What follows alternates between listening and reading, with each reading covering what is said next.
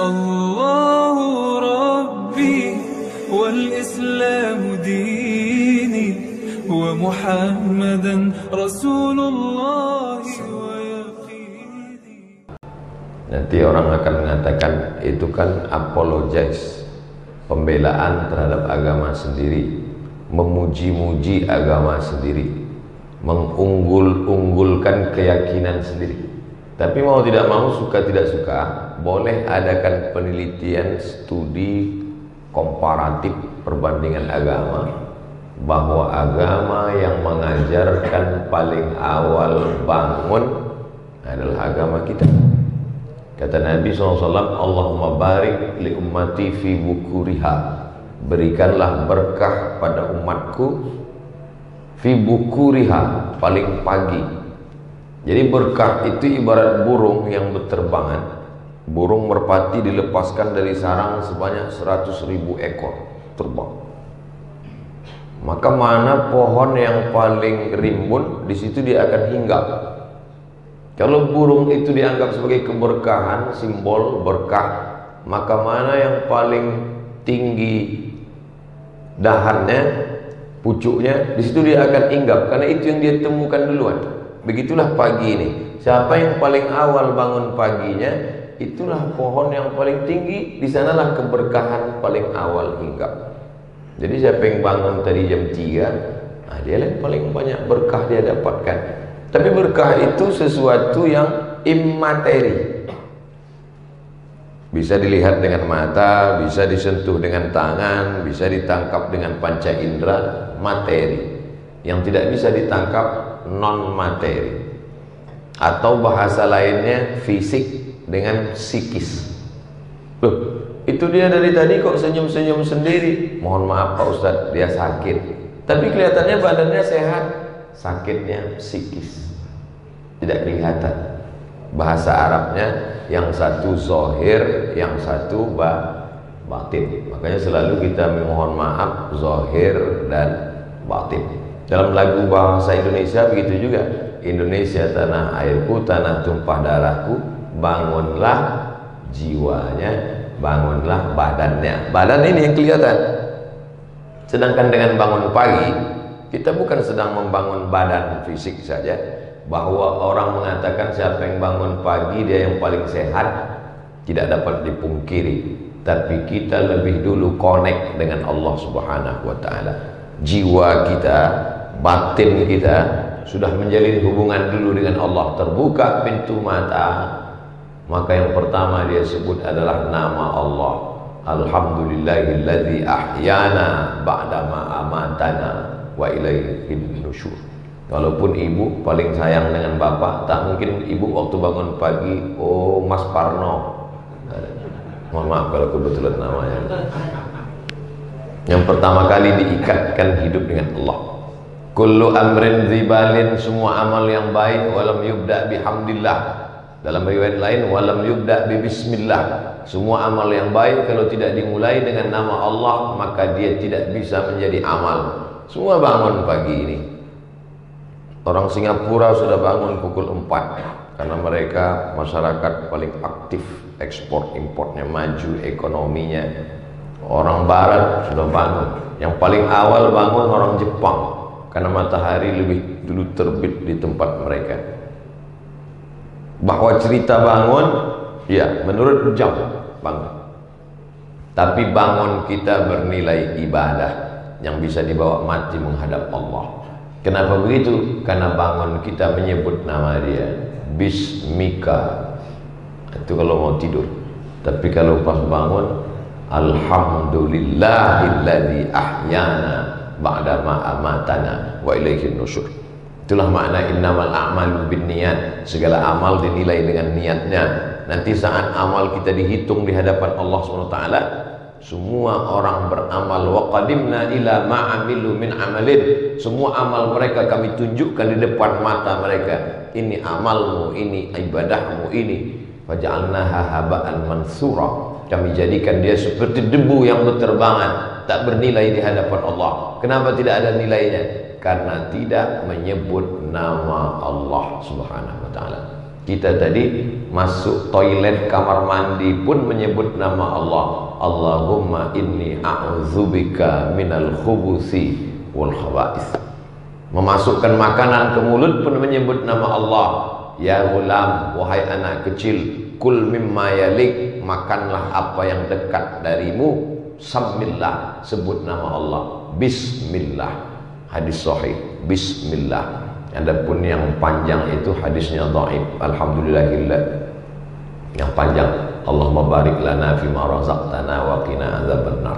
Oke, nanti kalau kelihatan ada kawan di sebelah tiba-tiba bismillah.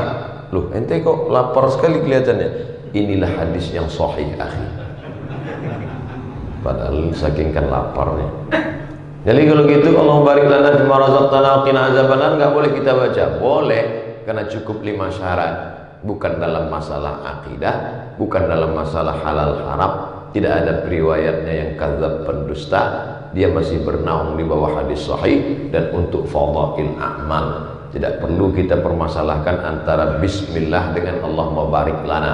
Karena kalau kita kelahi antara yang baca bismillah dengan yang Allah mabarik lana, yang ketawa, yang nggak baca doa.